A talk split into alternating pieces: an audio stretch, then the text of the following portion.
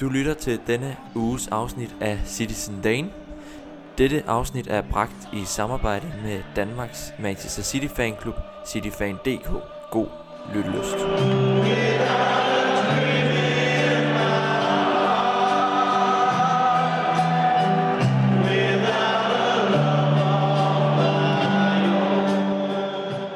Det emmer af mesterskabsstemning i dagens virtuelle podcaststudie, og med god grund. I tirsdags tabte United på hjemmebane til Leicester og sendte derved trofæet til Etihad og Manchester City. Mesterskabet har længe været undervejs, men det betyder ikke, at vi ikke skal gå i fuld breaking og fejre det fantastiske resultat. Så lad os derfor byde velkommen til dette uges afsnit af Citizen Dane. Mit navn er Frederik Berge, og med mig i studiet har jeg ikke blot to denne gang, men i dagens særlige anledning har jeg hele tre fantastiske gæster, meget kvalificerede gæster, kan vi vist roligt sige. Lad os starte fra toppen den I de fleste kender som den faste medvært på programmet, Lukas Vorgård Jebsen. Velkommen til. Tak Frederik. Nej, hvor bliver det godt i dag. Skide godt. Der er store smil på, ved, ved Lukas' skærm her, så, øh, så det kan blive skide godt. Men Lukas, med os i, øh, i studiet har vi to yderst kvalificerede herrer. De, øh, de fleste, der har lyttet med her, kender dem selvfølgelig, fordi de har været med tidligere, men lad os da bare starte med dig, Simon. Simon Mogensen, du var med i afsnit 12 men øh, udover det er du selvfølgelig også skribent på, eller hvad skal man sige, administrator for hele vores Facebook-side. Nærmest størstedelen af det, der kommer der, er din fortjeneste. Stort, øh, og tusind tak for, at du vil være med, Simon. Jamen selv tak, fordi jeg må være igen. Jeg glæder mig. Det er, det er fantastisk, du, øh, du lige kunne sætte øh, en times tid af her øh, på den højt hellige helligdag. Men ellers, udover dig, Simon, har vi en anden meget eftertragtet herre med, Jens Vivek Nielsen. Du var med i afsnit 15, men øh, udover det, så kender de fleste dig jo for din fantastiske viden omkring City igennem tiderne. Velkommen til, Jens. Tak skal du have. Fantastisk. Fantastisk, du også kunne tage dig tiden. Du, øh, du var også meget, øh, du fik mange roser efter din sidste optræden i podcasten. Det, øh, så det bliver mindst lige så godt i dag. Der er i hvert fald høje forventninger til jer alle sammen, gutter. Men øh, drenge, der er, der er fuld jubelidiot på programmet i dag. Vi skal selvfølgelig snakke om det, som alle går og snakker om for tiden. Ja, i hvert fald også City-fans. Mesterskabet er endelig blevet sikret. Nu slipper jeg for at sidde og stikke til Lukas, om han er pessimist, eller hvad han er resten af dette års sæson. Men øh, lad os gå i gang med at snakke om det efter denne hurtige skiller.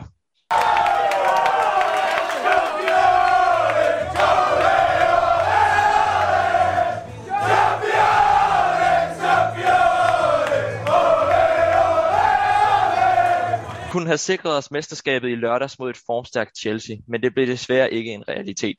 Derfor var alle øjne rettet mod Old Trafford og United mod Leicester. Det blev heldigvis til en 2-1 sejr til Leicester, og trofæet kom til Etihad for femte gang på 10 år. Så lad os da bare gå i gang med at vende 2021-sæsonen, men lad os kort snakke om det her nederlag til Chelsea. Simon, jeg tænker, at vi kan starte over ved dig. For, øh, for dem, der følger med inde på TV3 Sport, de havde jo æren af at se dig øh, på Shamrock i i, øh, i weekenden inden den her Chelsea-kamp. Du, øh, du startede ud med at sige, at du ikke var, øh, du ikke som sådan var nervøs for det her Chelsea-hold, og vi ender ganske vist med at tage den her 2-1-kamp, men det var vel ikke et helt retvisende resultat, var det det, Simon? Øhm, jeg er så for lige at pointere, at øh, jeg er fortsat ikke øh, bange for Chelsea. Øhm, ved journalistens øh, spørgsmål der handlede mest om, om i forhold til finalen, om det er et hold, vi frygter, og øh, jeg frygter ikke at spille mod Chelsea, når vi stiller med så mange reserver. Øhm, selvfølgelig er det trist at, at, at tabe den kamp, men øh, når vi laver ni ændringer til vores, det man kan kalde vores første hold i forhold til kampen mod PSG, øh, og at vi formår at, at brænde et, et straffespark i overtiden første halvleg, hvor man kan lukke kamp til 2-0, så, så øh, holder jeg stadig ved den pointe, at det er ikke et hold, jeg frygter, men det er selvfølgelig et rigtig godt hold, som man skal have respekt for. Ikke et hold, man frygter, men et hold, man skal have respekt for, Jens. Dog øh, er det stadigvæk et hold, der har slået os de sidste to kampe, dog med mange ændringer tilbage i semifinalen i FA-koppen og nu her i Premier League. Men øh, lad os prøve at dykke lidt mere ned i den her kamp, bare ganske kort, fordi hvorfor pokker taber vi den her fodboldkamp, der på mange måder egentlig ligner, at vi, vi ville vinde den langt hen ad vejen, Jens? Jamen altså, man kan sige, altså som udgangspunkt, så er der jo sådan set rent objektivt, eller flere grunde til det. Øh, altså som Simon også var inde på, så er det ikke stærkeste opstilling. Marginalerne var ikke mere den her gang. Øh, Marco Øndersen havde straffet væk. Øh, vi kunne have lukket kampen i første halvleg. Øh, vi bliver faktisk snydt for et straffe lige inden de scorer til sidst. Øh, summa summarum for kampen er bare alt, hvad der kunne gå galt. Det gik galt. Øh, men når det er sagt, så synes jeg også, jeg har altså lidt større respekt for Chelsea. Jeg har lidt større respekt for det arbejde, han laver, Tu.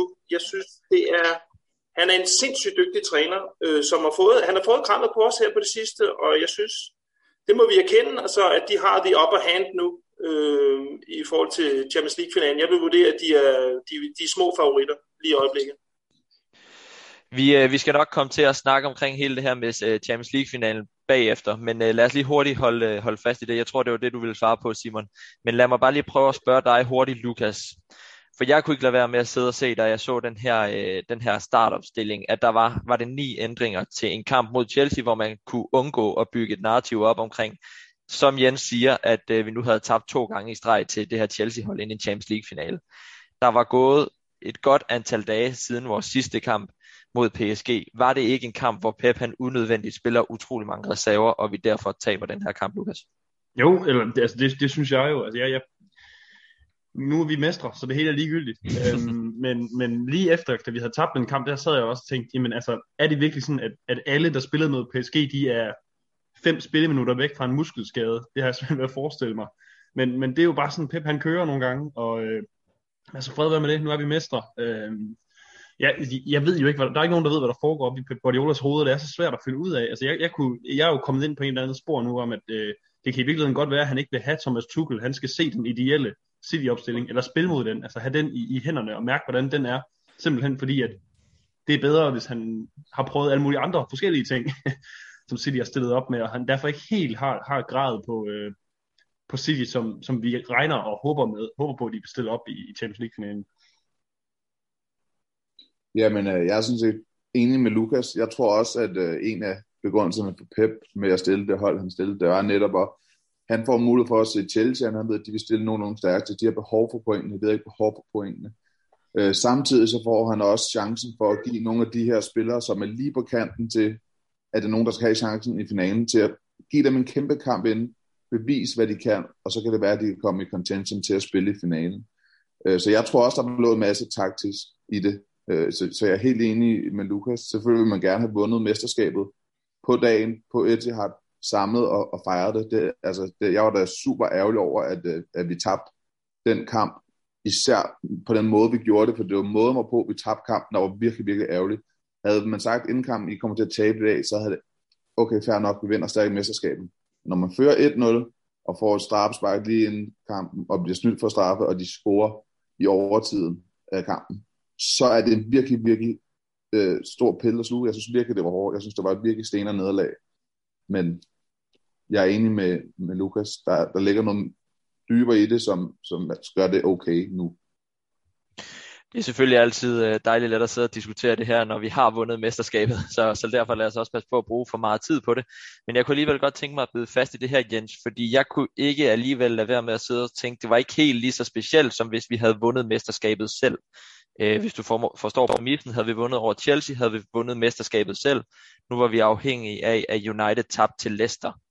Øhm, synes du, at det her nederlag, det gjorde, at der røg lidt luft af ballonen omkring mesterskabet, altså at vi vinder mesterskabet nu, eller øh, gør det ikke det helt store for dig, at det nu var, var Uniteds nederlag, der sikrede os det?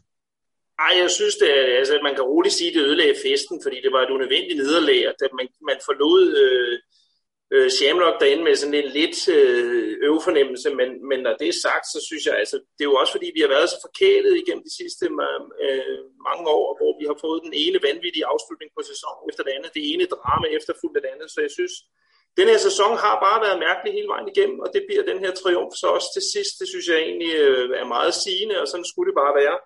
Øhm, men jeg synes også, man skal bare glæde sig over, hvor forkælet vi er lige nu. Altså prøv at tænke dig, United, de stiller, selvom de teoretisk stadig har chance for at blive mestre, så stiller de med en B-kæde og giver også mesterskabet. Så suverænt, er de simpelthen blevet. Det, det synes jeg simpelthen bare, man kan sidde og juble og, øh, i sine små tykke henover. Det er, det er vanvittigt godt gået. Og så, altså, det, det, jeg synes også, det, det tager selvfølgelig lidt af, af, af gejsten, når man ikke, ikke vinder den selv, når man har muligheden for det, men, men derudover, så synes jeg også, det er bare om ikke andet, så er det bare en lille smule sjovt, at to ud af de sidste fire mesterskaber, vi har vundet, dem har United givet til os ved at tabe på hjemmebane. Altså det må man også gerne glæde sig bare en lille smule over, eller grine lidt af. Altså, det er da meget sjovt. Meget sjovt, og især når det er United, der vælger at smide den væk, så gør det det jo lige tanden sjovere. Øhm.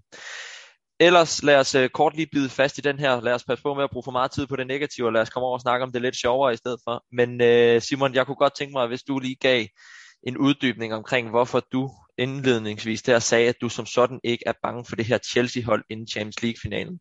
For alt andet end lige er det jo et hold, der kommer ind med, med to nederlag i de sidste to kampe, vi har spillet mod. Øh, ja, men øh, som vi også var inde på før, det er to nederlag med reserveholdet, øh, og det er tætte nederlag. Altså vi snakker en 1-0, et 1-0 nederlag og et 2-1 nederlag, hvor at skruer vi på det straffe, så vinder vi. Altså vi er så tæt på at slå et, et fuldt Chelsea-hold med et reservehold. Det siger altså lidt om, om den tilstand, City er i. Og, øh, og så, som sagt, alt kan ske i en, i en, i en finale. Der kan, altså selvom det er det bedste hold, øh, der dukker op, så, så alt kan ske, men jeg er ikke, øh, jeg har, jeg har en eller anden ro i, i maven. Jeg føler virkelig, at det er et moden City-hold, vi ser i år. Og, og, og Pep virker moden i hans valg øh, til, til store kampe spillerne virker modne, det kollektiv er sindssygt stærkt, og defensivt med Dias. Jeg har bare en mærkelig ro i maven, og det kan godt være, at den ændrer sig op til kampen, men lige nu så føler jeg mig rolig. Lige nu føler vi os roligt. Der er også små to uger til kampstart, så må det ikke vi bliver lidt mere nervøse, når vi kommer derhen af, og vi skal selvfølgelig nok gå i, kamp, eller i dybden med den kamp, når vi kommer tættere på der, og selvfølgelig også have nogle, øh, nogle meldinger fra, fra fjendens side. Jeg arbejder tæt på at få fat i en Chelsea-fan, der kan deltage op til kampen. Men ellers, drenge, lad os, øh, lad os lade være med at gå for meget over i den negative grøft, og lad os få klaphatten på, og så snakke om det her mesterskab. Jeg skrev til jer, nu skal vi i gang med at skåle. Mesterskabet er hjemme. Det sagde indledningsvis, at det var det femte mesterskab på 10 år. Jens, jeg kunne godt tænke mig at starte ved dig, for jeg, øh, jeg tror, har en lille idé om, at hvis vi havde sagt til dig for 20 år siden, at vi ville vinde fem mesterskab på 10 år, så havde du øh, givet mig en på, på, på panden eller et eller andet, og så sagt, det er jo fuldstændig utropisk det her. Kan du ikke prøve at putte et par ord på det mesterskab, som, øh, som vi har vundet i 2020-2021 sæsonen? Jo, altså jeg vil, jeg vil sige, at den rangerer, der er aldrig noget, der kommer til at slå mesterskabet i 12, fordi det var så, altså det, det, det bliver filmatiseret på et tidspunkt, og det var så utroligt. Jeg vil sige, at det her, det rangerer rigtig højt, fordi at i starten af sæsonen sagde folk, at det her mesterskab var billigt til salg, øh, og det intet kunne være længere væk fra sandheden. Jeg sagde fra start af, at det her det bliver den hårdeste sæson nogensinde. Øh, når man tænker tilbage på starten af sæsonen, de store hold havde ikke øh, haft nogen preseason, der har ikke været nogen ferie. Øh, der har ikke været nogen tilskuer på lægterne, var, har været mere og mere crazy i løbet af sæsonen. Øh, altså prøv at tænke, at kampprogrammet det har været sådan, at spillerne har spillet fast øh, hver, hver tredje eller hver fjerde dag. Øhm, det er virkelig et år, hvor klubbernes trup er blevet spændt til det yderste, og hvor vi om sider høster frugterne af at have den bedste trup. Øh, og, altså det der med skader, man har set muskelskader øh, en masse i, i langt de fleste trupper. Øh, jeg, synes, jeg, synes, jeg synes, den her til, den rangerer rigtig, rigtig højt, fordi det har været den hårdeste sæson i hele min levetid. Så det er, jeg er meget, meget, meget stolt af den måde, vi vinder på, det må jeg sige. Lukas, den hårdeste sæson, i, øh, eller den hårdeste mesterskab af dem, vi har vundet muligvis, også grundet den her covid-19-situation, som der selvfølgelig ingen, der kunne have, kunne have gættet sig frem til, at vi ville lide under for, øh, for bare to års tid siden. Men er det netop de, den store og virkelig kvalificerede trup, som, øh, som vi efterhånden ligger inde med, der gør, at vi vinder det her mesterskab, at vi har muligheden for at sætte en, ja, altså rotere ni mand, og så stadigvæk spille med et hold, der kan spille lige op med, med Chelseas første hold. Er det det, der gør, at vi står med pokalen nu? Ja, men det, det vil jo nok være en, en anelse tåbeligt at sige noget, noget andet, end at det har haft en kæmpe indflydelse. Øhm, altså, vi har jo ikke været helt sparet for skader, men, men altså for eksempel De Bruyne har jo været, været ude i en periode, men, men det er jo så der, hvor den der utrolige øh, øh trupbredde kommer ind. Øh, derover, som vi jo også har snakket om mange gange før, så, så er vi jo også bare nødt til at, at, at nævne den øh, ændring i, i spillestil, der har været, hvor vi, hvor vi nu fokuserer mere på at, på at have et solidt fundament, frem for at, at bare altså simpelthen outscore vores modstandere. Øh, så det vil nok være de to faktorer, altså en, en utrolig bred trup og en, en, en, en sæson, hvor man har virkelig været, også som Simon sagde, Pep Guardiola har været, har været moden og har, har truffet nogle beslutninger, som måske har været meget svære at, at træffe i starten, men, men som har vist sig virkelig at, at pay off i forhold til at, til at have fokus på, at, øh, der, der er simpelthen noget hårdt arbejde og noget, øh, noget fundament, der skal lægges i det, før vi kan begynde at, spille flot fodbold. Og jamen, det, er, det er jo det, vi ser resultatet af nu med, med nok en af de bedste City-sæsoner. Måske den bedste nogensinde. Måske den bedste nogensinde, og det er nok lidt utopisk i en Pep Guardiola, at det så også er forsvaret, vi fremhæver.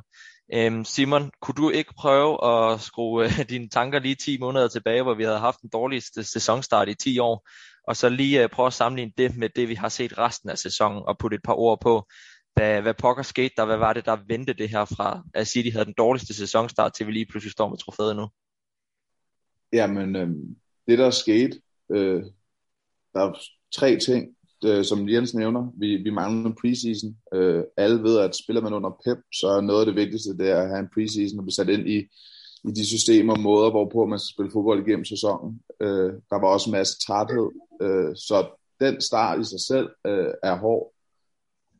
Vi prøvede samtidig at spille på, på den samme måde, som vi gjorde, eller har gjort i sidste par sæsoner, med at prøve at score mange mål, og det her over kompensere offensivt for, hvad vi mangler defensivt. Øh, og der så man ligesom en kæmpe ændring, da Dias så kom til. Der kom den her stabilitet, og man så faktisk, at vi også fra Peps side øh, kompenserede mere defensivt end offensivt, fokuseret på det, øh, hvilket også skabte, øh, eller gjorde, at vi faktisk ikke vi skabte næsten ingen chancer. Vi havde en lang periode, hvor vi scorede få mål og skabte virkelig få chancer. Øh, så der skete en, en retænkning i måden, hvorpå vi spiller fodbold, så nu Lukas også nævnt. Øh, Pep blev mere for på, okay, lad os, det skal være stabilt fra målmand til angriber. Når vi får styr på defensiven, så har vi kvaliteten offensivt til at score de mål, der skal til. Og vi kan også se på de mål, vi har scoret nu indtil videre. Vi er jo langt fra det scoringsnit, vi plejer at være. Og det handler om, at, øh, at der kommer en bedre balance på holdet. Så det, der er sket fra starten af og til nu, det er balancen, og det er mainly på grund af, at Pep har ændret sin tilgang en smule, men også altså sådan helt exceptionelt, at det Dias' øh, hvad hedder det, indtrængen på holden, der har gjort den her forskel, fordi han har skabt den ro og den sikkerhed, der skal være i bagkæden. Så hvis man skulle, hvis man skulle nævne en ting, så vil jeg sige, det er Dias, der er forskellen på nu og dengang. Ja, jeg var, hvis jeg lige må supplere Simon, så vil jeg bare sige, det der, det der er rigtig interessant i den her sæson, det synes jeg sådan set også, altså Dias er selvfølgelig en stor og vigtig del af det. Men prøv at tænke på den der øhm, måde, Pep har genopfundet sig selv som træner, ved at fokusere på forsvaret, og stort set spille uden angriber hele sæsonen, og alligevel er vi ret suveræne mester. Det er, det er en vanvittig præstation, og jeg forstår slet ikke, nogen taler om, at han ikke skal være årets træner. Det, det er en sindssyg præstation, det der. Og en pep, ja, helt, og en pep, der ofte har fået skudt i skoene, han er for, øh, ja, han er for, øh, han er for stærk i sine tanker og ikke vil, vil øh, re, øh, retænke den måde, som han vil spille fodbold på. Og, og der skal der selvfølgelig lyde en, en kæmpe gave til ham. Lukas, øh, hvor stor en del af den ære her skal Pep Guardiola have? Oh, okay, det er øh, okay, svært, eller det er svært og nemt spørgsmål. Han skal have en kæmpe, altså det, jamen det er vel, som sagt, hvis ikke, hvis ikke vi havde, eller han havde, det havde jeg, eller også, vi havde ikke så meget at gøre med det, men hvis ikke han havde lavet den der ændring fra starten, eller da Dias kom til, som, som jo, der bliver sagt, det er, jo, det er jo rigtigt, det er jo der, det er jo turning point. Øh, altså, det kan godt være, at vi, vi havde haft et bedre forsvar, øh, fordi der har været mere fokus på det igennem sæsonen, uanset hvad, men, men var det ikke for Dias, så jamen, hvem ved så, hvor det var endt henne. Øh, så, og det kan jeg også huske, du har sagt i en tidligere podcast, Frederik, at øh, Guardiola, han var rimelig vigtig i at få hivet Dias ind og peget sig på ham og så videre, ikke også? Altså så, han har, han har virkelig, øh, han har fandme taget fat i år, må man sige, Guardiola, og, og det er jo også det, altså, det, det kan da ikke være så nemt, når man har været så god og så dygtig en træner igennem så lang tid, at have så fast et mindset om, hvordan man skal spille, og så smide det hele op i luften og tænke, hvad gør vi så? Jeg er nødt til at finde på nogle svar til det, der foregår omkring mig. Jeg er nødt til at finde ud af, hvordan jeg dæmmer op for de der hurtige angriber, der, der bare har løbet os i sænk i Champions League og så videre. Altså han, han jamen, nej, som øh, Jens også siger, altså, det, det er da årets manager, det kan vi da ikke, øh, øh hvorfor skal vi bruge tid på at diskutere det? Helt enig ingen grund til at diskutere mere om det, og så lad os da hoppe lidt videre, for I har jo alle sammen nævnt øh, Ruben Dias, og der er jo nok ikke flere superlativer til, hvor vanvittig god han har været, og hvor vanvittig vigtig han har været i den her sæson. Vel at mærke og huske, at han kun er 23, det gør det måske endnu mere vildt. Men øh, jeg kunne rigtig godt tænke mig at gå lidt mere i dybden, og så se om vi kan fremhæve nogle andre spillere. Ruben Dias har vi taget. Simon, jeg, øh, jeg har selvfølgelig en vis spiller i, i hovedet som øh, med engelsk pas fra Stockport, som øh, jeg tænker virkelig har slået igennem i den her sæson. Jeg ved ikke, om, øh, om det er en, du vil fremhæve, eller om der er andre, du vil fremhæve, har slået igennem i den her sæson. Jo, klart. Øh, Foden er selvfølgelig en af dem, jeg også vil nævne. Øh, men da jeg sad og skulle prøve at finde, ting over, hvem er det egentlig, man kan fremhæve den her sæson, så sidder jeg og kigger på en trup, hvor jeg er nærmest, jeg kan fremhæve nærmest alle sammen i perioder. Øh, Dias er den, jeg føler, der har været mest, altså det er ham, du kan fremhæve over hele sæsonen. Så du kan fremhæve Cancelo i, i perioder af sæsonen, hvor han har været altså by far den bedste højre bak i ligaen. Så har du haft øh, Gündogan, som fra december ind til april var muligvis den bedste midtbanespiller i Premier League. Så er der Foden, som har skubbet øh, en af de bedste wingers i Sterling ud på bænken som 20-årig og været fuldstændig outstanding. Så er der Mares, som har været så vigtig her i de sidste to-tre måneder, i form både i Champions League, men også i forhold til at, at vinde kampe i, i, i Premier League. Så det har været, så hvis man kun skal nævne en over hele sæsonen, så er det, så er det Dias for mig, men der er så mange, øh, som man kan fremhæve også, som har i perioder af sæsonen været exceptionelle og været så vigtige for lige præcis den periode, at vi har opnået det, vi skulle. Walker for eksempel også, synes jeg, her i de sidste to-tre måneder har været exceptionel. Hans øh, præstationer i Champions League mod Dortmund og, og PSG, øh, altså han, det bliver undervurderet så meget, hvad han betyder der med den fart og, og den presence, han har. Altså vi snakker om, at den mand har lukket øh, verdens bedste og hurtigste forsvarsspiller ned, og uden at svede. Altså det var, det var for, for vildt overvær. Så der er mange spillere, man kan fremhæve. Øhm, de Bruyne har også, øh, selvom De Bruyne ikke har haft sådan en exceptionel sæson, som vi nogle gange forventer, hvor han fuldstændig skiller sig ud, så har han jo også haft en rigtig god sæson. Så det, det er svært ikke at fremhæve nogen, synes jeg. Øh, eller fremhæve nogen mere end andre. Jeg synes, folk har været sindssyge, og de har været det på de rigtige tidspunkter i sæsonen, hver især. Og det er det, der har været vigtigt. Du var jo nærmest hele trup sammensætning igennem der, og der havde du endda ikke nævnt en, øh, en John Stones, øh, som også yes. har været øh, fuldstændig fantastisk, og det er også det her med, at det måske på mange punkter er holdet, der har vundet mesterskabet, hvor det førhen også har været lidt mere individuelt, så er det holdet, der har vundet mesterskabet den her gang, Jens. Men øh, igen, holdet med nogle øh, få stjerner, er der nogle spillere, du vil sætte et par ord på, som du synes især har kendetegnet det her mesterskab i år også? Jamen altså, Simon har jo nævnt de fleste, men jeg vil så sige, altså det, det, det jeg bliver så imponeret af, det er det der med, at alle de der spillere, altså det er jo faktisk første gang, vi har vundet mesterskabet, hvor det faktisk er holdet. Det er svært at nævne nogen specielt ud over de som selvfølgelig bliver overspillet. Men det er svært at nævne nogen specifikt, fordi holdet har gjort det så sindssygt godt, og Pep har fået pustet liv i utrolig mange spillere, som man egentlig nogle gange havde glemt lidt.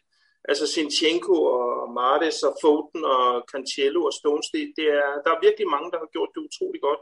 Jeg vil godt knytte en ekstra kommentar til Cancelo, hvor Pep også har haft en vigtig indflydelse. Det er, hvor han, er jo, han har jo været en, han viser sig endelig som den bak, vi købte han for, ham for. Men pludselig agerer han også som sådan en øh, midtbanespiller, der er trukket ind i banen. Det, det er en vanvittig ny, øh, altså han har fuldstændig genopfundet øh, måden, man spiller bak på. Og det, det synes jeg også skal have sit eget specielle kado. Øh, Pep har fået pustet liv i John Stones, som har haft en sindssygt flot sæson. Han, han, er selvfølgelig ikke, han er selvfølgelig ikke den der leder, som Dias er, og de har så også gjort ham rigtig, rigtig god. Men John Stones skal virkelig også have kredit på den her sæson. Og så synes jeg også, at vi skal nævne Gündogan. Altså, jeg synes faktisk, vi spillede noget af det bedste fodbold, vi overhovedet har spillet, da Kevin De Bruyne var ude. Og Gündogan tog over på den midtbane. Altså, det, jeg, jeg synes også tidligere sæsoner, der har Gündogan trådt ind Specielt den sæson, hvor vi, øh, hvor vi vinder meget snært over Liverpool, der går han også ind og spiller en vigtig øh, karakter på holdet. Men det var som afløser for Fernandinho på det tidspunkt. Mm. Altså han kan spille på så mange strenge, Gündogan, så jeg synes også, at han skal have øh, en honorable mention. Og jeg har faktisk også skrevet en honorable mention, ud over Dias og Foden selvfølgelig, så, så skal Walker også have det, som Simon sagde. Altså jeg synes, at der er en, man kan regne med, når det er svært, så er det faktisk ham, og det er lige præcis der, hvor man, hvor man øh, altså det er dejligt at have sådan nogle spillere, man kan stole på i afgørende situationer. Der synes jeg virkelig, at han er, er trådt i karakter, og jeg, jeg, det glæder mig, at han er kommet ind i den engelske landshold øh, svarer med igen, og jeg håber, at han får en slutrunde også. Men de er overspiller, vil jeg sige. Ingen diskussion. Og de er så jo nomineret til årets spiller. Kan man lige hurtigt sende en reminder ud til alle, der lytter med på det her. Hop ind på Manchester City og stem på, hvem I synes, det skal være. Der er vist Dias, Gündogan og Martes, der er nomineret til årets spiller i Manchester City. Men Lukas, vi øh, har efterhånden været hele truppen rundt. Jeg ved ikke, nu, øh, nu lad os lige prøve at få sat et par ord her til slut på den kære unge englænder, jeg øh, fremhævede tidligere. For vi har jo siddet gang på gang efter øh, kampene i den her podcast og siddet og rost ham, ikke mindst fordi han er 20 år og går ind og leverer så flotte præstationer i så vigtige kampe. Phil Foden, mange har før den her sæson jo været ude med kritik om, at han ikke fik nok spilletid, og vi sagde, at han var så god, men han fik ikke lov til at spille. Har det her ikke været sæson, hvor han virkelig har slået fast, at han er starter i måske verdens bedste klubhold? Jo, er du tosset. Han har slået fast, at han er et af de øh, største talenter i verdensfodbold overhovedet. Øh, og, det, og det er ikke bare, og det er sådan noget, det, det, når det kommer til unge, dygtige spillere, så, så det er jo sådan noget, det bliver hurtigt pumpet fuldstændig op på et niveau, der er helt urimeligt. Men man kan jo bare se på, på øh, Phil Foden, at han er ikke bare teknisk dygtig langt ud over, hvad man forventer af engelske spillere. Han er også ekstremt moden i sine beslutninger, og han, han arbejder sindssygt hårdt. Han har altså mere eller mindre alle de fundamenter, du gerne vil have fra en spiller i den alder, som, så han kan blive... Øh, altså, det, jeg tør slet ikke sige Ballon d'Or, men, men altså, det, hvem, hvem, hvem siger, at han ikke kan blive det lige nu? Det, øh, det har jeg svært ved at forestille mig. Altså, nu fandt jeg bare lige sådan en lille, lille sjov en. Altså, nu har han vundet lige så mange Premier League-titler som Frank Lampard, Patrick Vieira og Cristiano Ronaldo. Altså, og ja, ja, det er jo bare sådan en eller anden lille latterlig statistik, men, men prøv lige at tænke over, han er, han er 20. Han, vi siger, at han bliver i City i 13 år endnu, eller sådan noget vi kan jo snakke om en af Premier Leagues absolut største legender nogensinde, hvis han, hvis han fortsætter. Selvfølgelig når han et loft på et tidspunkt, men det er jo ikke nu. Der er ikke nogen, der når deres loft som 20-årig. Hvis han bare udvikler sig fem år nu, og så begynder at ramme toppen, så snakker vi jo en fodboldspiller fra en helt andet univers. Altså, det, øh, det, det, det er fantastisk ud over så flot en sæson, så også at have en ungdomsspiller, som ikke bare er god, men, men altså en af holdets måske bedste spillere. Det, øh, det, det er en drøm. Det er en drøm, og vel at mærke også en, der har Manchester City helt inde på ryggraden. Det gør det jo ikke med endnu mindre. Det, det giver det lige lidt ekstra, end hvis det havde været sådan en af dem, der var kommet fra Spanien. Et eller andet, ikke? Altså det her, det er en, der er vokset op og bløder Manchester City. Blot nærmest. Yes, drenge, jeg synes, vi har, vi har rundet stort set hele truppen nu. Tusind tak for jeres, øh, jeres vendinger, men igen, det understreger jo også bare, hvor vigtigt holdet har været i den her sæson, hvor man tidligere måske har kunne fremhæve en Aguero, en Silva, så har det jo været øh, holdet i den her sæson. Jeg øh, kom til at sidde og tænke på i går, da jeg sad og skrev øh, min, mit oplæg her til jer, at jeg rigtig godt kunne tænke mig at høre dig, Simon. Fordi at jeg sad og kiggede lidt over det hold, vi nu har snakket om, og der er ekstremt mange unge spillere. Vi har måske vores ældste spiller, Evan Fernandinho, som ikke er i startopstillingen længere heller. Øh, men ellers så tæller jeg en Foden, en Diaz, en Stones, en Rodri, og så har vi en masse på bænken, der også har en alder, der gør, at de bestemt kan udvikle sig nu. Fremtiden for det her Manchester City-hold, ser det ikke væsentligt bedre ud end, øh, end tidligere? Øhm, jo, det kan man sagtens argumentere for. Øh, hvis man også kigger på kontrakterne, for mange af de spillere, du nævner der, så er de jo bundet til 2025-2026 øh, med enkelte undtagelser. Så altså fremtiden ser, ser utrolig lys ud, og når man så samtidig går ned og kigger på, øh, hvad hedder det, i akademiet, og ser på, hvad er det for nogle spillere, øh, der viser sig frem der og ved at bryde igennem, så taler vi om, at øh, Delap han kommer til at spille med førsteholdet fra næste sæson af. Vi har Palmer, vi har Doyle, vi har Taylor. Altså, det er jo øh, klassespillere, som på så mange måder er, er hele hjertet af, af klubben. Så øhm, både med de spil, vi har i førsteårstruppen nu, og dem, som er ved at forhåbentlig bryde igennem her inden for de næste par sæsoner, jeg synes, det ser ekstremt lys, lyst ud. He, altså ja, ekstremt. Og var måske også sæsonen, Jens, hvor vi fik erstattet det her tomrum, som vi led alvorligt under i sidste sæson, hvor kompani lige pludselig ikke var i truppen længere. Øh, den unge spiller, øh, Ruben Dias, vil du også øh, se lidt lysere på fremtiden nu med det fundament, vi har fået bygget op i den her sæson, i form af, hvordan vi så, at vi måske handlede lidt mere defensivt i, i sidste sæson?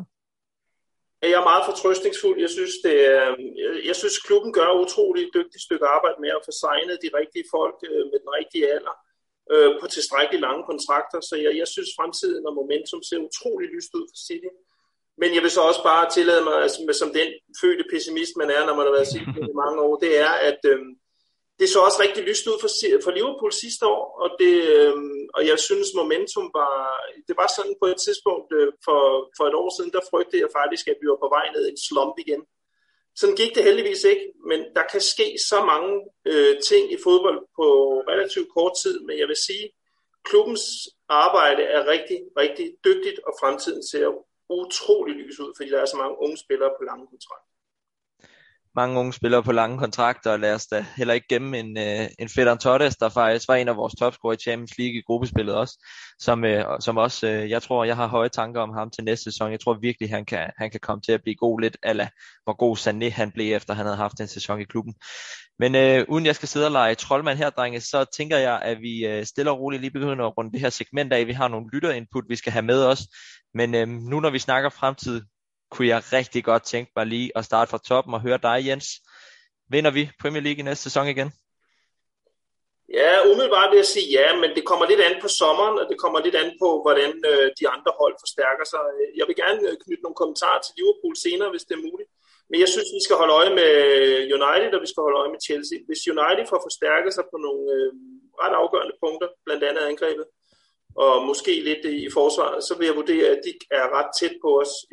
Ikke langt nok, øh, men også Chelsea synes jeg har fået et godt fundament kørende, og hvis de også styrker sig i transfervinduet, så kan det også blive, blive svært med dem. Men umiddelbart ligger det til os, også fordi jeg sagde før, at momentum er med os, og jeg synes, vi har en rigtig, rigtig god og sammentømmet tub, og der er ikke noget ballade på bagsmækken, og hvis vi så også er heldige at vinde Champions League, så, så synes jeg, det ser utrolig lyst ud.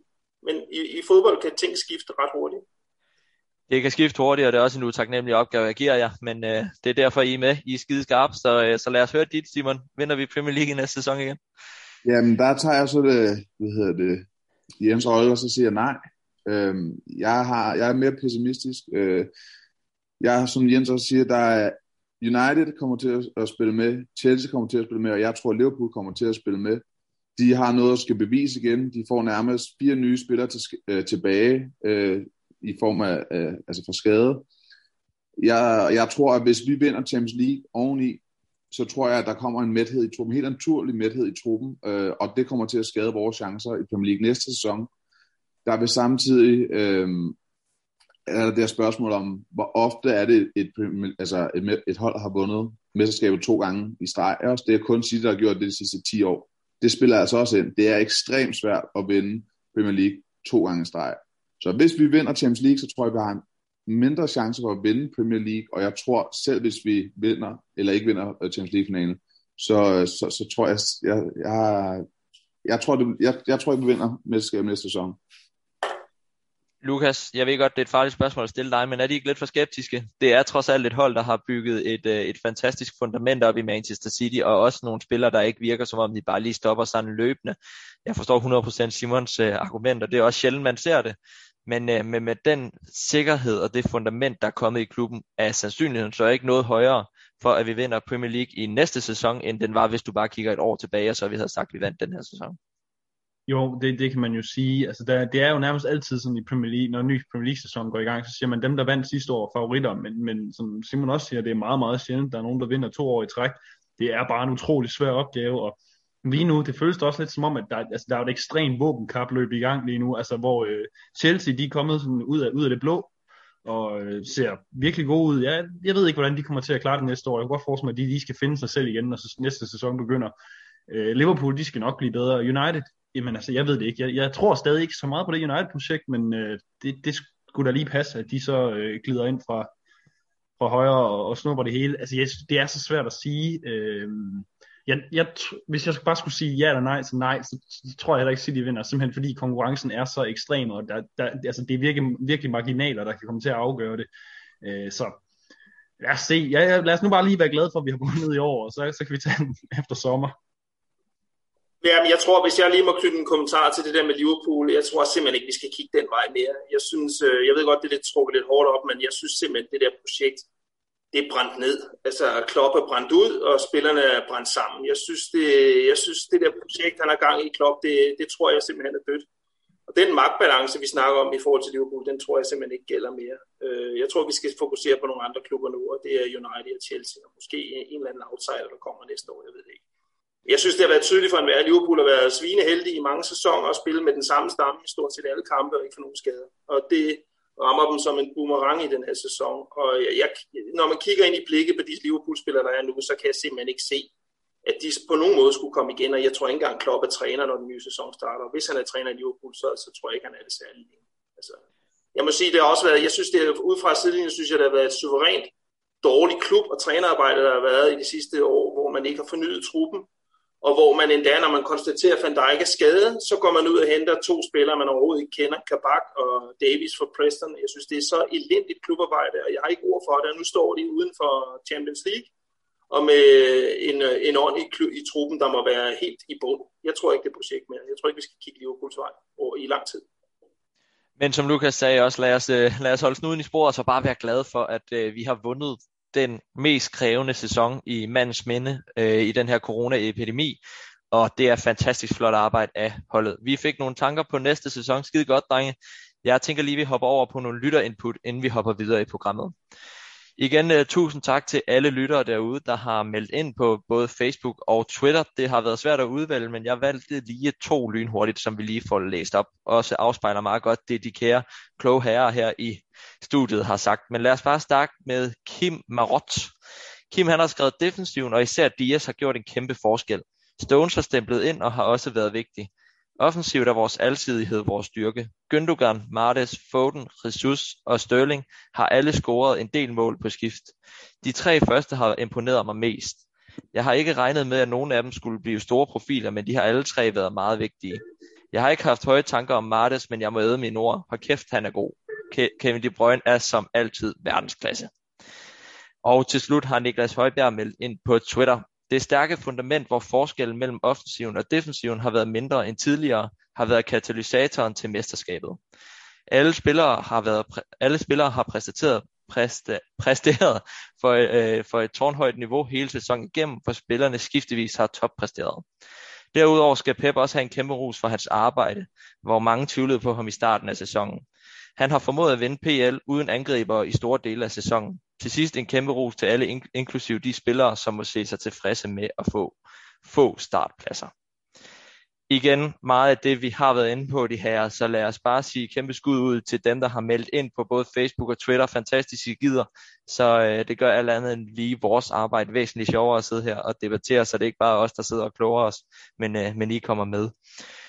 Drenge, vi, øh, vi tager lige en kort pause og hopper på en skiller, og ellers så kommer vi over mod det faste Røsler Boniskala, men bare roligt, vi er overhovedet ikke færdige med at snakke om 2020-2021 sæsonen. Bunny, bunny, bunny, Will Ferrari, bunny, bunny, bunny, the fuck is? Will Ferrari, bunny. And Clancy gets it through, and a chance on here for Uwe Rosler! And City have taken the lead! Uwe Rosler goes to take the acknowledgement of the delighted hordes of City supporters. Så er vi nået til det faste øh, holdepunkt i podcasten, som er Røsler Bundi-skalaen. Det er skalaen, hvor vi placerer to nyheder eller begivenheder om klubben på en skala fra Røsler, som er den positive ende, til Boni, som er den negative ende. De fleste kender den jo efterhånden. Jeg ved, de to herrer, der er med i studiet i dag, kender den jo. Forhåbentlig de har været igennem den en gang. Så, øh, så lad os da bare starte med dig, Simon. Øh, vil du ikke starte med at give os din røsler? Jo, øhm, og lige øh, ved første blik, så kan det godt være, at den ser lidt kedelig ud, øhm, for det, er, det handler om, at vi er i Champions League-finalen, men ikke så meget om, at, at vi kan vinde Champions League, men mere, at vi nu ligesom har fået brudt den der voodoo, der har været omkring City i Champions League, øh, især med kvartfinaler. Øh, jeg har hele tiden sagt, at den dag, vi kommer i finalen, eller den dag, vi vinder Champions League, der tror jeg, det begynder at rulle for os i Champions League. Der tror jeg, vi begynder at se, at i de fem år frem og efter kommer vi til at være i, i, til slut, altså forholdsvis ofte. Altså det, det, så det har været en, en stor ting, ligesom at få brudt den del, øh, som klubben har manglet i, i, i Champions League, og, og komme, altså nå den her milepæl. Champions League-finalen, endelig. Øh, fantastisk røsler, det, det må vi huske at rose, når de endelig er der. Øh, skal vi gå over til Bonin, Simon? Ja, øh, det, er, det er faktisk også noget, vi har været inde på tidligere. Øh, det er kampen mod Chelsea, så, hvor vi tabte her forleden. Må, måden hvorpå vi tabte den kamp, og det ikke at kunne fejre mesterskabet den dag, øh, og i stedet fejrer mesterskabet ved at United vinder. Det, det, det, det har været min boni her. Øh, jeg, jeg, jeg synes virkelig, det var en trist omgang. Altså det synes jeg virkelig. Så at vi ikke vandt mesterskabet selv på dagen over Chelsea, øh, og på den måde vi tabte, og ikke kunne fejre det selv, det, det er min boni. Helt korrekt også. Man kunne jo se tydeligt på billederne over i, i Manchester, hvor vanvittigt vigtigt det var for før den her Chelsea-kamp, hvor der stod utallige fans ude foran stadion og jublede dem ind til i håb om, at vi ville vinde. Det skete desværre ikke, og så har stemningen selvfølgelig været en lille smule mere flad, end den ville have været. Men, øh, men igen, det, det har vi vandt tidligere, så, øh, så skide godt. Simon, tak for dem. Øh, Jens, må vi øh, starte med din øh, røsler? Ja, gerne. Øh, jeg har taget en lidt usædvanlig øh, røsler i dag. Det er fordi, jeg, tager, jeg har faktisk valgt en spiller. Jeg har valgt øh, en, vi ikke har snakket så meget om, nemlig øh, Jesus Jesus. Øh, jeg, jeg, synes, han skal have en, øh, jeg synes, han skal have en røsler, fordi han har genopfundet sig selv i en ny funktion på holdet. Og det synes jeg, man skal tage hatten af for. Og jeg synes, han fortjener ros for på ydmyg vis at have taget en ny rolle på holdet, som egentlig slet ikke er den, han blev købt til. Han er, han blev købt til at være en direkte afløser konkurrent til Aguero. Øhm, sådan spiller han ikke på holdet i øjeblikket, og han knokler og knokler, og det fortjener han utrolig stor kredit for, selvom det hele ikke er lige godt. Men jeg har, jeg har stor respekt for de spillere, der ligesom udfylder den rolle, de får, og, og bliver en gevinst ud for det. Øh, jeg synes godt, man fra starten af hans City-karriere kunne have frygtet, at han var lidt sådan en Copacabana-diva der og ikke så meget en holdspiller, men det synes jeg faktisk, han har modbevist. Så jeg synes, han skal have kredit, og han skal have ugens rysler hos mig for at, at, at have påtaget den nye rolle, han har fået på holdet. Øh, den har han taget til sig rigtig godt. Personligt må jeg sige, at den synes jeg er meget fortjent. Der er mange, der er negative omkring øh, ham. Jeg synes, at han gør det fremragende. Ikke på samme måde, som Aguero gjorde, men øh, det er vist også lidt for høje forventninger her til de fleste angriber. Skidegod øh, røsler. Kan vi få din boni? Ja, øh, den har været lidt nem i den her uge. Jeg, jeg, jeg skulle ikke tænke så længe over det. Det er UEFA. Jeg er simpelthen så træt af UEFA. Det er, hvor, altså, altså, hvorfor er de aldrig på fornuftens side? Hvorfor er de aldrig på fansens side? Øh, får du flyttet den øh, finale i Istanbul til enten Wembley eller et andet sted? Altså, og det der med det samme, og hvorfor skal de næsten trues af den britiske regering, før der sker noget? Altså, Hvorfor kommer der aldrig et initiativ fra UEFA selv? Jeg, jeg, kan egentlig, jeg, må, jeg må sige, jeg har ikke noget sympati for den der Super League, men jeg har sympati for, at man prøver at lave en liga uden om UEFA. Altså, der kommer aldrig nogen reformer i den organisation. Og der sker ikke noget godt for fodbolden og fodboldens fans, så længe øh, vi har UEFA, og de er en central aktør. Nummer to, jeg gerne lige vil nævne, som også har noget med UEFA at gøre, det er, at der ham, vi har fået udnævnt til dommer i finalen. Ja. Altså, det er helt til hest. Altså, det er, når man tænker på den historik, han har med, med, med både Pep, men også med City, så synes jeg, det er en rigtig UEFAsk ting på den rigtig ufede måde, at han er udpeget til dommer, jeg synes, jeg synes det er en katastrofe. Så de får min øh, boni i den her uge. Jeg vil gerne lige knytte øh, en kommentar til, øh, til det første, du siger, Jens. Øh, stadion er jo blevet flyttet. De har lige offentliggjort det. Den skal spilles på Porto på Estadio do Dragor, eller hvad der man udtaler den. Så den er flyttet. Det kan jo ikke blive i, på Wembley, på grund af, at regeringen ikke vil tillade, at man ikke skal karantæne. Og så vil jeg lige sige, at din øh, anden boni med dommeren, ja, den er så enig i. Det er, en, det er en katastrofe. Det er en dommer, som elsker at sætte sig selv i fokus i kampene, og vil have, at kampene skal blive husket for ham. Det er ikke sådan en dommer, man skal have i en Champions League-finale. Jeg frygter det på... Jeg frygter det så meget. Jeg, jeg, du er Uha, hvad frygter det. Man kan gå ind på Facebook, og så kan man se nogle klip øh, for, de, fra de kampe, vi har haft tidligere med ham, blandt andet i Monaco, hvor han øh, ikke dømmer et øh, straffe til, til Aguero. Og så kan man gå ind og se, at han viser Pep op på tribunen mod Liverpool i 18, tror jeg det er. Og øh, der er helt klart et eller andet mellem ham og Pep, og jeg forstår simpelthen ikke, at han er blevet udpeget til dommer. Jeg synes, det er rystende. Altså, jeg, jeg har fuldstændig enig med de her, der det er, det er en super underlig beslutning, men bare lige for, at vi vinder den her Rusler Boni på, på en lidt øh, på en high note, jeg ved godt, du sagde, at jeg ikke måtte komme med, Frederik, men jeg vil med. Så jeg har fundet nogle, bare lige sådan hurtigt, jeg fandt lige, altså, nu har vi jo snakket om, at City har været altså et defensivt hold, eller mere defensivt indstillet hold den her sæson, men ikke desto mindre, så er det holdet i Premier League med flest mål, dem der har scoret færrest på, longest winning streak, vundet flest kampe i træk, altså, vi har haft bolden mest af alle hold, vi har haft den bedste passing rate, afleveret bolden mest præcis, øh, præcist, vi har haft flest skud på mål, og vi har haft færrest skud imod per kamp. Bare lige fordi det er simpelthen så flot, at vi fører ikke bare i offensiv, men også i defensiv statistikker rundt om i ligaen. Så bare lige for at slutte på en high note her, så vil jeg også lige være med. Så, så er jeg klar. Jeg har det godt igen. Fantastisk, Lukas. Det var nu heller ikke, fordi du ikke måtte være med. Du, må, du er altid velkommen, det ved du. Men, øh, men til de to herrer, Simon og Jens, øh, fantastiske bonier. Jeg er helt enig. Jeg var også lige ved at tabe min øh, nederste kæve der øh, min kæber, der jeg fik at vide, hvem det var, der skulle være dommer til den kamp, og, og selvfølgelig det er jo så UEFAsk, som øh, Jens så Smuk sagde. det, øh, det er utroligt. Men uh, der er desværre ikke så meget, vi kan gøre ved det lige pt. andet, end vi håber, at han lige tager sig sammen for en kamp skyld, og så dømmer nogenlunde objektivt, og, og indser, at det er fodbold, vi kommer for at se, det er ikke for at se dommerne. Men uh, skide godt alle sammen. Jeg ved ikke, Lukas, har du nogle uh, umiddelbare uh, kommentarer til de andre røsloponier, som de to herrer havde med? Øhm, nej, jeg synes, det var, det var rigtig, rigtig fint valgt. Øh, nej, ved du hvad, jeg, nej, jeg fik smidt min egen lille statistik afsted, som jeg var glad for at have fundet, så det er så fint. Altså. Så må vi bare, ja, som du siger, så må vi bare håbe, at vi, vi får en kamp, hvor det, eller en Champions League-finale, når vi nu endelig er nået der til, hvor det ikke skal handle om dommeren. Det er jo helt frygteligt at tænke på, så det, det, det, det gider jeg ikke tænke på.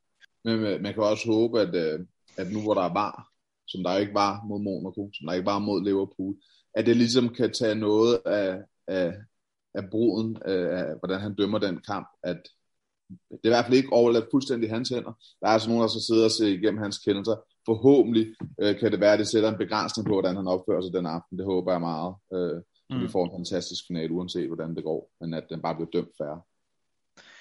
Med den øh, opfordring til dommeren, og for en gang skyld lige for, for at VAR kan, kan vise, hvad pokker den er i verden til, så, øh, så lad os gå på en skiller, og øh, lad os gå hen til en lille quiz, som jeg har forberedt jer, men mere om det på den anden side af den her skiller.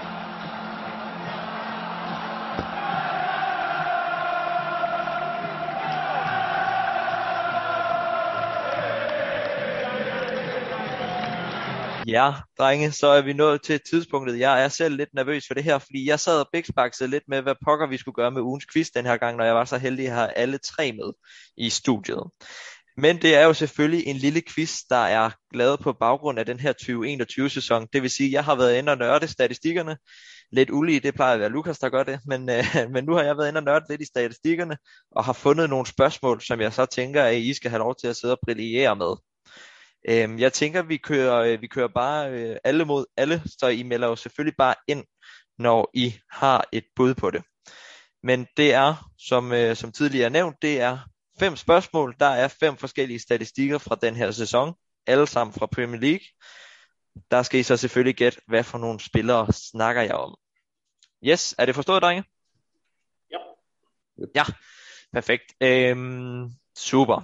Spørgsmål nummer et. Vores top tre målscorer i Premier League har tilsammen scoret 31 mål, men hvem er de tre spillere?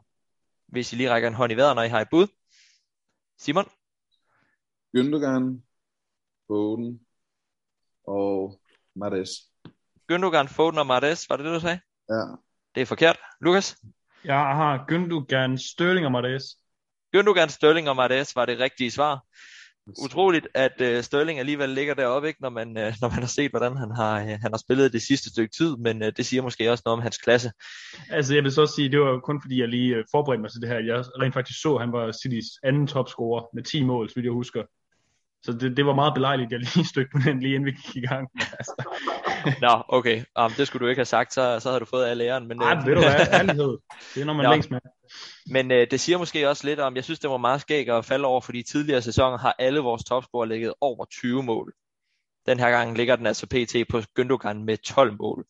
Det, øh, det siger måske også lidt om, at vi ikke har haft den her stjerne angriber eller Sterling i topform, som vi tidligere har haft, men det mere er holdet, der har, der har, der har shined. Skide godt. Et point, Lukas. Ja. Spørgsmål 2.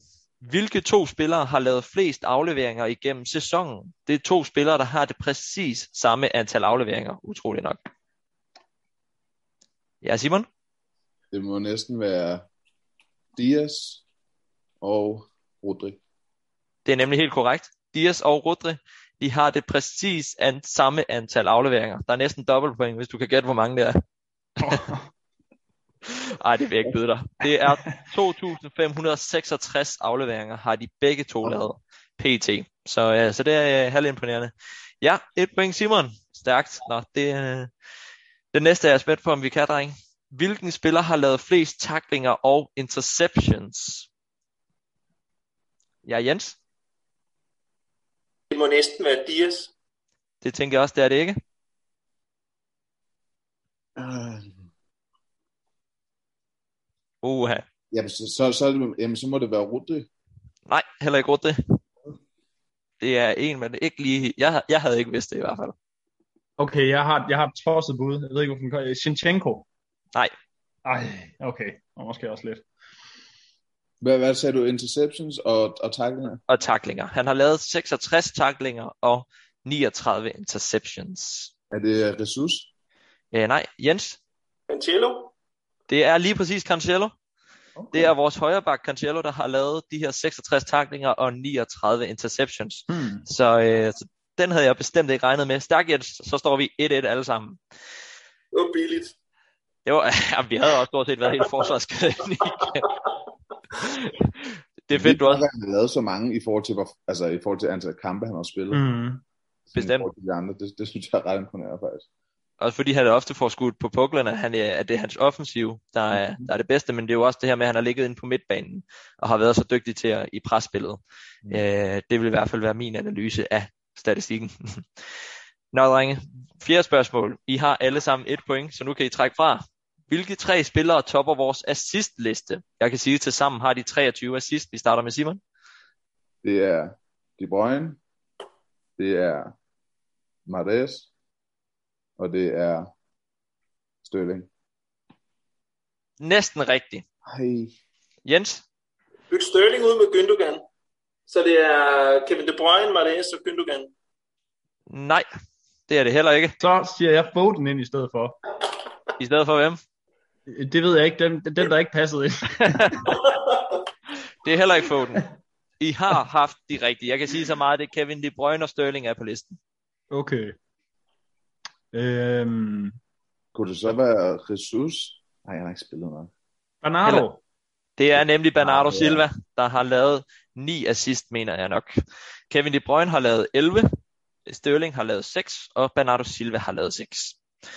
Så, øh, så øh, hvad, åh, hvad var det, Kevin De Bruyne var oppe på sidste sæson? Nogen, der kan huske det? 20. drenge? det var, var det 20?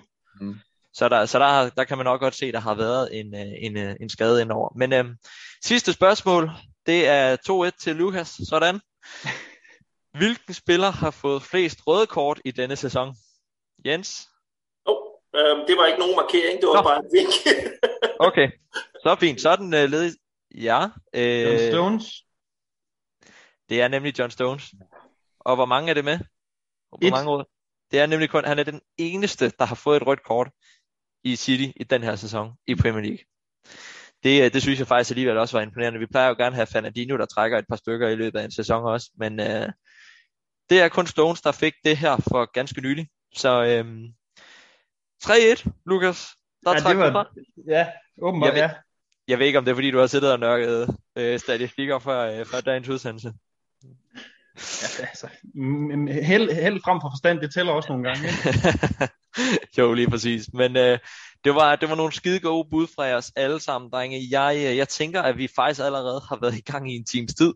Så, øh, så lad os øh, runde stille og roligt af for podcasten, Mesterskabspodcasten, med en øh, tusind tak til jer to. Jens, først og fremmest tusind tak for, at du igen lige stemplede ind på corona-hotline her på Zoom og vil være med til at optage podcast igen. Det er fantastisk. Tak for hjælpen. tak for det, og skulle det være en anden gang, det ved du, Frederik. Det glæder vi os til. Det, øh, det kan jeg godt love dig for, at det bliver. Også det samme skal lyde til dig, Simon. Tak fordi, at du udnyttede en, øh, en lille brøkdel af din fridag til at, at være i vores selskab og snakke om Manchester City og mesterskab. Selvfølgelig. Det er altid en fornøjelse. Det ved I. Og dermed kan man måske også lige skyde øh, ud til Simon, som de fleste ved. Simon han er at finde på Shamrock. Bor man i bosat i omegnen af København, husk dig for pokker og kom ned og se fodbold på Shamrock. Lukas, vi er begge to odenseanere, eller Ja. bor i hvert fald i Odense. Tusind tak for, at du også stemplede ind på corona-hotline, selvom vi sidder nogenlunde i nær hinanden. Ja, men det er så fedt. Det er så fedt. Og Lukas og jeg har også en kraftig opfordring til alle, der lytter til denne podcast. Odense, skynd jer at komme på Ryans og se noget fodbold sammen med os. Det er uendelig meget sjovere. Jeg begynder i hvert fald fremadrettet, og Champions League i hvert fald er vi der at finde. Det er jeg ikke i tvivl om. Der er ikke så meget andet at sige, dreng. Det har været en fantastisk lille times tid, hvor vi har fået lov til at, at have ja-hatten på. Det har været en fantastisk sæson. Vi har vundet mesterskabet nu, men der er selvfølgelig en stor hurdle tilbage i Champions League-finalen. Men lad os ikke kvæle mere ved det, og lad os huske og juble over den fantastiske sæson, vi har haft. Alle City-fans derude, have en fantastisk weekend, og husk at endelig hovere over for jeres eh, rivaliserende fans. Det her, det, er, det må man godt glæde sig over. God weekend alle sammen. Hej. God weekend.